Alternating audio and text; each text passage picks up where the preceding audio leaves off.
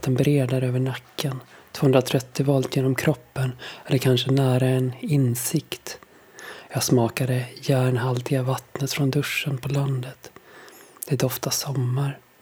Värmen pulserar fram i ledningarna och smakar lite unket och lite järn. Tänker att det är synd att jag som tycker så himla mycket om att duscha, duschar så sällan. Att duscha är ett av mina lifehacks för att må bra. Men det brukar jag inte berätta, för det kan få en att verka både ohygienisk och lite banal på samma gång. Jag tänker att för varje idyllisk sommardusch finns en neurotisk vuxen som oroar sig för att varmvattenberedaren ska lossna från väggen. Jag vill inte behöva vara den vuxna personen.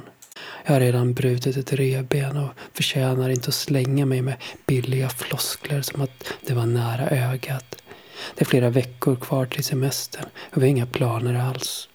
Så har jag alltid velat ha det och nu får jag det tack vare pandemin. Tillbaka på sorgen fri. Både knän och höfter har säckat ihop och jag grubblar på om det verkligen är pollenallergi det också. Någon borde säga ifrån på skarpen. Det är inte pollenallergins fel att jag har ökat på träningsmängden alldeles för snabbt igen.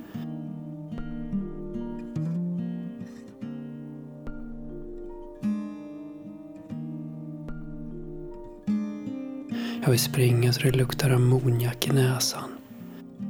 Nu kan jag inte springa när min dotter tränar i simhallen och jag tar stressiga promenader runt kvarteret istället. Irriterar mig på att inga kaféer i Malmö verkar ha öppet efter 18. En storstad som liknar något mycket mindre. Jag vill ha kaffe och något onyttigt som jag nu inte får. Fryser och tänker på värme. Mänsklig värme. Kanske den sämsta sortens värme ändå.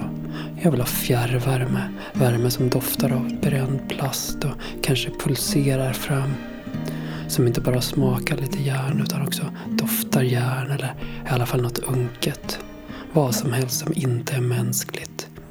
Fjärrvärme är kanske inte ett vackert ord men det har potential.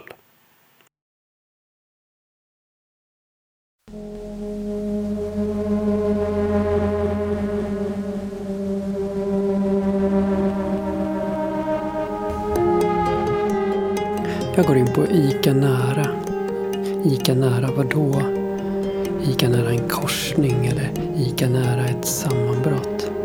Jag känner så starkt för den högljudda kassörskan som alltid pratar så högt och snabbt med alla andra i kön. Alla utom mig. De andra kunderna frågar hur det är med henne och hon berättar om allt möjligt i sitt liv så att alla hör. Om sin dotter, sin mamma, sina värdelösa kollegor, tiggaren utanför. Mig glömmer hon nästan att säga hej till. Jag vill inte att hon ska kommentera vad jag handlat så som hon gör med vissa av de andra. Men jag skulle uppskatta om jag också fanns i rummet. Idag är det hetsigt. Ett fyllo står och skriker på pantmaskinen som är trasig, precis som den brukar vara. Ett annat fyllo försöker tränga sig fram i den superlånga kön. Det är corona, men inte direkt någon anpassning. Två tonårstjejer står och flåsar mig irriterat i nacken när jag försöker hålla avstånd i kön. Alla börjar backa åt olika håll när fyllot lite förvirrat vinglar fram för att byta någon vara som hon nog inte betalt för. Jag håller nästan på att välta en chokladhylla. Ler lite generat. Ica nära ett sammanbrott i alla fall. Jag plockar på mig halvfabrikat som de rear ut huvudlöst billigt varje vecka. Vårt ICA verkar ha fått en speciell guldorder. En kanal för nya vegetariska halvfabrikat som de slumpar bort för mindre än halva priset. Man fyller frysen med märkliga skapelser som sedan aldrig kommer in i det riktiga sortimentet. ICA nära ett upplopp. Det står i tidningen att de slagit sönder reklamskyltarna och krossat trafikljusen i korsningen precis utanför. Vi har inte märkt något. Våra fönster är så ljudisolerade. På vägen ut ser jag en komiker jag känner igen skänka pengar till Bebbe, tiggaren från Rumänien som sitter utanför affären sedan några år. Det slår mig att Bebbe funnits här under hela min dotters barndom nu. Jag har tappat räkningen över hur många gånger han fått hjälp att skriva en tydlig lapp om att det nu äntligen är dags för honom att resa hem till sin familj och att han därför ber om en extra slant till resan. Första gången fick han en hundralapp. I utbyte någon dag senare fick min dotter ett gosedjur av honom och hon blev såklart jätteglad. Det kändes som en märklig transaktion. Han erbjuder sig att vakta hennes cykel utanför så att jag inte ska behöva låsa den när vi handlar. Men jag vill låsa den. Jag vill att han ska få ett riktigt jobb och kunna flytta hem på riktigt. Nu hjälper han till med varukorgarna i affären istället. Det är hans gig. Personalen i kassan svarar undvikande, något ironiskt, när ett av fyllorna i kön säger att det är alldeles för många här i kring som får pengar utan att jobba, nickandes mot Bebbe. Bebbe har också bett om pengar för sjukvård. Han såg verkligen inte frisk ut och Assa blev illa till mods när hon såg honom ligga och sova på en parkbänk precis i närheten.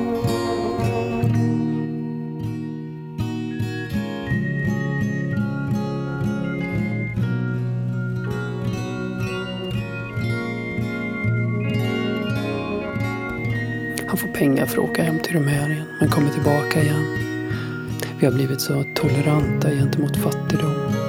Assa har fått höra från någon skolkamrats förälder att tiggarna ljuger och gör något i buskarna som hon inte riktigt kan förklara vad det är.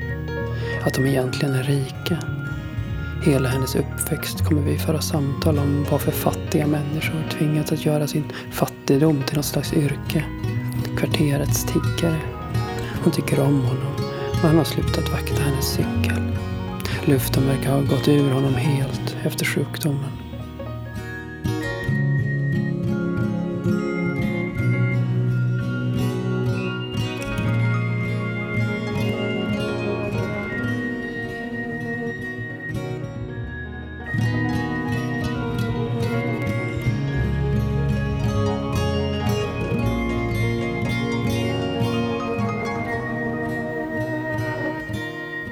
Vi kan fly från Malmö, några mil inåt landet. De fattiga skogsbygderna dit stockholmarna inte hittat och skåningarna fortfarande kan samla skrotbilar på tomten i fred. I alla fall de fåtal som har just det behovet. Det är ofattbart vackert och det behövs skrotbilar på hög här och var för att man riktigt ska förstå det. Jag har mina favoritslingor som jag springer i skogen. Den första är längs järnvägen mellan Hör och Stehag.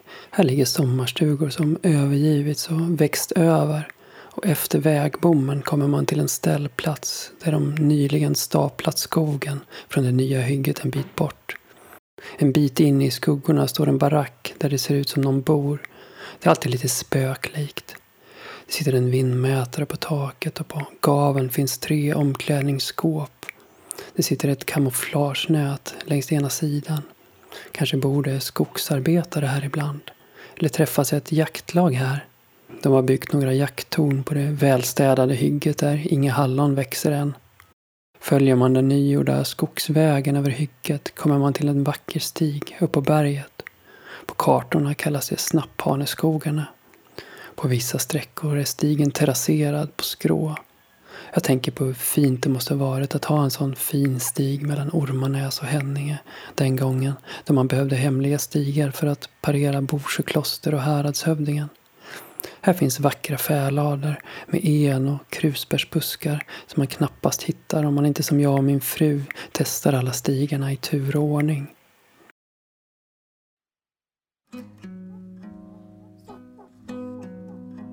Den gamla krusbärsbusken på vår tomt ger tidig skörd och räcker till frukostfilen under första semesterveckan.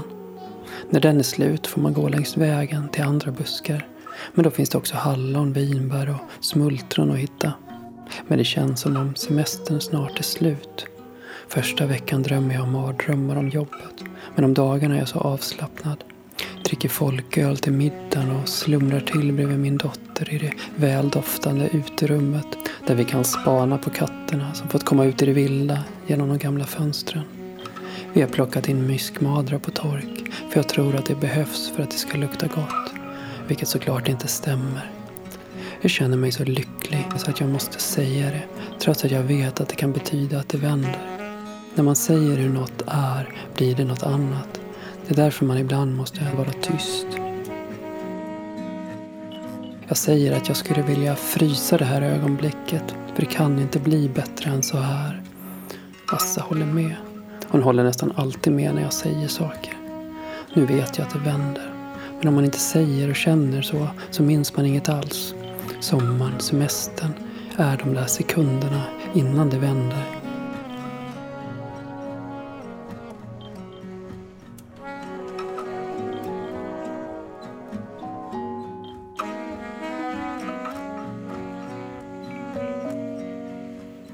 Jag läser Verner Aspenström och känner mig grundad, förankrad.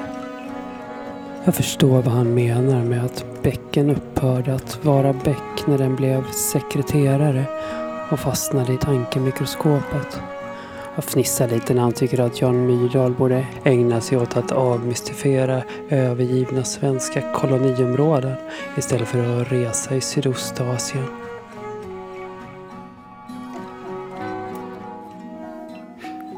Föreningen ordnar en röjardag.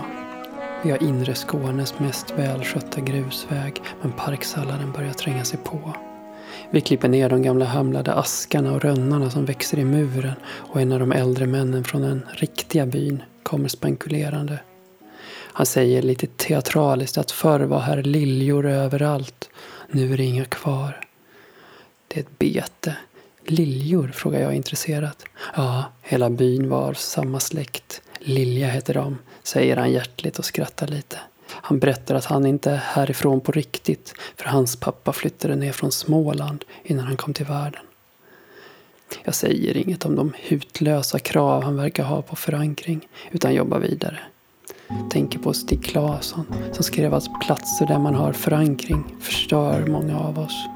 En fast förankring sätter en bara i skuld till sådan man inte är skyldig någonting och får en att glömma då man är skyldig allt, skrev han.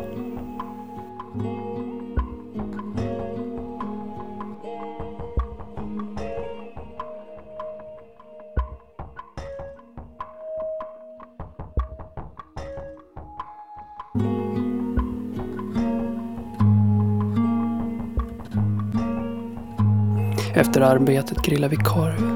Det har flyttat in en hippie i en av grannstugorna och på vägmötet pratar gubbarna entusiastiskt om att hon går runt barfota. Det är en ärlig fascination.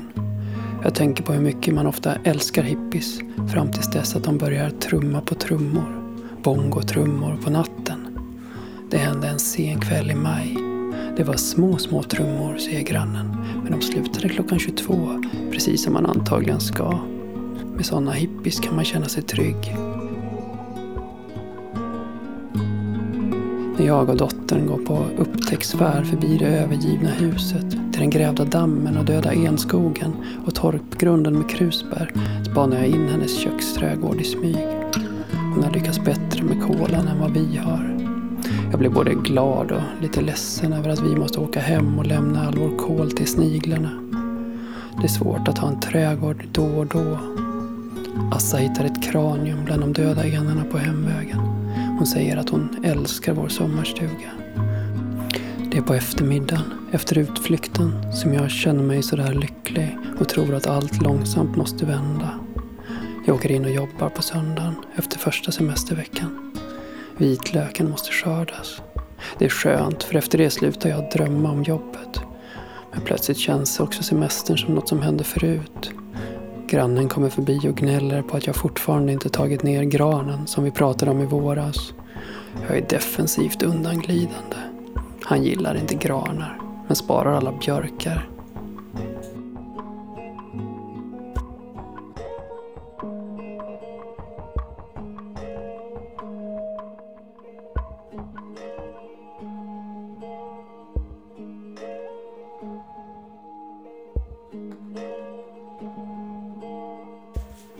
Jag tänker på funktionskläder, vilket alltid ger mig dubbla känslor. Rent intellektuellt är funktionskläder bland det värsta jag vet. Konsumtionshets med präktig makeup. Samtidigt brukar jag ibland dagdrömma om funktionskläder jag skulle kunna köpa om jag blev rik. Lätta vattentäta vandringskängor, kanske en regnjacka och ett par ergonomiska promenadskor så att mina knän slutade verka. Någon slags lupp som inte blev repig men först borde jag skaffa nya glasögon och lämna in bilen på reparation. Men får jag pengar över kommer jag istället köpa pioner. Metallarbetaren Gustav Eriksson beskrev hur pojkarna i Sörmland på 1800-talet satt pioner i håret.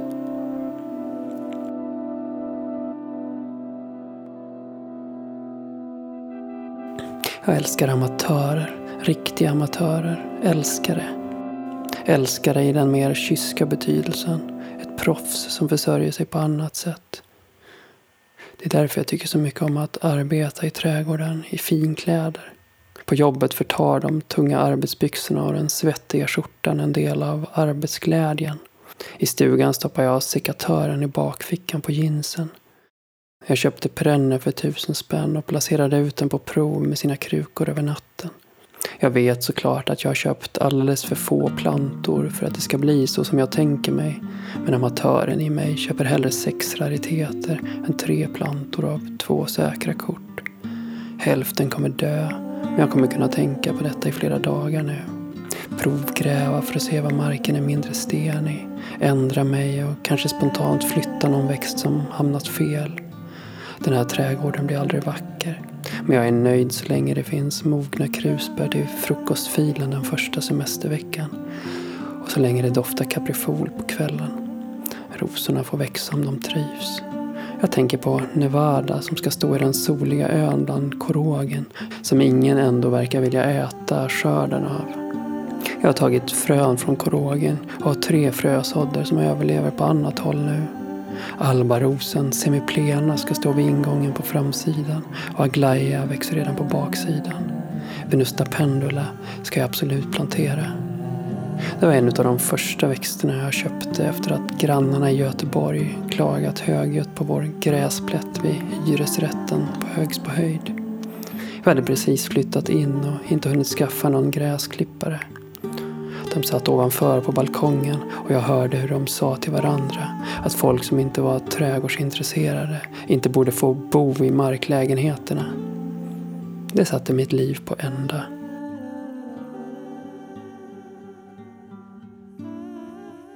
Jag beställde hem RSTs gedigna faktahäften om växtfysiologi, marklära och växtskydd och började beställa fröer från Botaniska trädgårdens konnässörsklubb. Jag läste som en galning den sommaren och tog sticklingar överallt. Nyförälskat entusiastisk. Jag köpte perenner i säck när Botaniska trädgården hade utförsäljning på hösten och vårdade mina frösådder som om det vore spetsforskning. Jag jobbade på posten då. Allt hade börjat gå åt helvete med det. Mina knän och mitt psyke. Postkontoret jag älskade hade börjat läcka som ett såll och alla mådde dåligt. Venusta pendula påminner mig om vilken fantastisk tur jag haft. Alla växter jag rörde vid de första åren, där jag högst på höjd, växte så bra. Alla frösådder lyckades och allt överlevde. Och nu har jag kollegor som rotat i historien kring Venusta pendula. Rosens historia är såklart mycket mer spännande än min. För mig kommer den alltid mest påminna om hur jag koncentrerat en gång som 24-åring i Göteborg följde Lars-Åke Gustafssons detaljerade planteringsinstruktion när jag planterade den vid ett alldeles för skuggigt plank. Och hur den växte och blommade så fantastiskt redan första året. Vi nyfikar oss fram, som min dotter när vi hittade kraniumet inne i den döda eneskogen vi gjorde en utflykt till den gamla fäladan där det växer en gammal krusbärsbuske vid en stenlagd husgrund. Assa leker att hon är någon slags polis och letar ledtrådar och jag ifrågasätter inte något. Jag är så nöjd över att hon hittat på uttrycket att nyfika sig fram och samtidigt lite ledsen för jag vet att hon snart måste sluta säga sådana saker om hon ska bli vuxen på ett värdigt sätt. Om man nu kan det. Jag kunde inte det. Jag hade en period i tonåren då jag trodde att jag skulle gå runt barfota i hatt. Jag nyfikade mig fram alldeles för mycket istället för att bara kolla på kartan. Föräldrar ska antagligen inte lägga sig i sånt, varken förr eller senare. Vi fikar på en stenmur. Ett helt vanligt normalt fika på en helt sanslöst vacker och lite hemlig plats i Skånes hjärta. nu vänder det nog ändå, tänker jag. Jag har skrivit en låt om rosor. När jag går ut i trädgården på kvällen för att lyssna på om den utbytta cymbalen verkligen duger, då glömmer jag att sätta i lurarna när jag tryckt på play. Jag börjar rycka kvickrot vid nejlikroten istället. Låten får visst dröja till hösten. Jag har återfunnit min mammas rosenhallan som jag hade glömt vad jag planterat. Jag borde skriva en vers till om det också.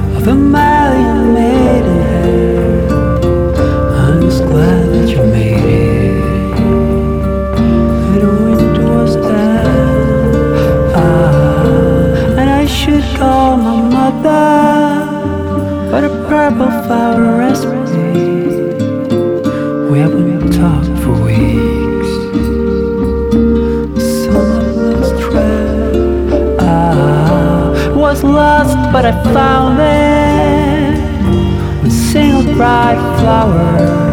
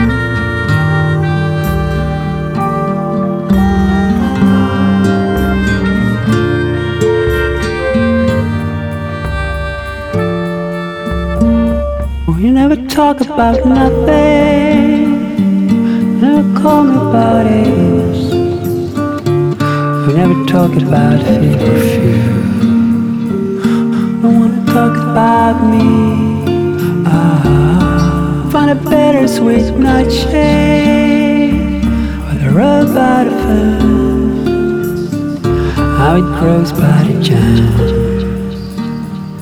Du scurrier bopifera ah.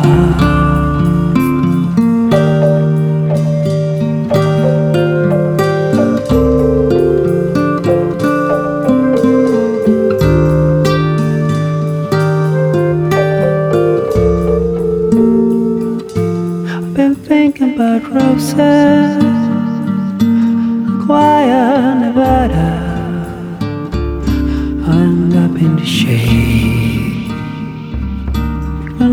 Pandora. Ah.